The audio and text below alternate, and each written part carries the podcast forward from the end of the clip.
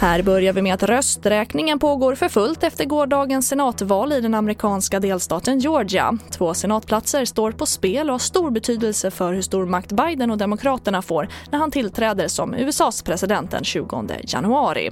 Och mer om det här kan du se på tv4.se. Och vi stannar kvar i USA för tidigt i morse besegrade amerikanerna förhandsfavoriten Kanada med 2-0 i junior-VM. USA tog ledningen med 1-0 i första perioden och bara 32 sekunder in i andra perioden petade laget in 2-0. Vild glädje hos USA som vann över Kanada som tidigare dominerat i turneringen.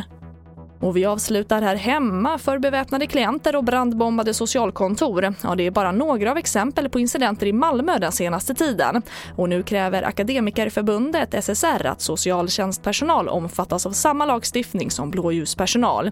Justitieminister Morgan Johansson ser allvarligt på frågan men kan inte ge ett klart svar på förbundets krav. Våld och hot mot tjänsteman, det finns ett särskilt lagrum för den med en särskild straffskala. Där omfattas redan eh, socialsekreterarna eftersom de utövar eh, myndighetsutövning. Eh, men den blåljusutredningen den har också i uppdrag att titta just på den paragrafen och eh, eh där är ett av deras eh, uppdrag är att se över straffskalan för våld mot tjänsteman. Och det får avsluta TV4-nyheterna. Jag heter Charlotte Hemgren.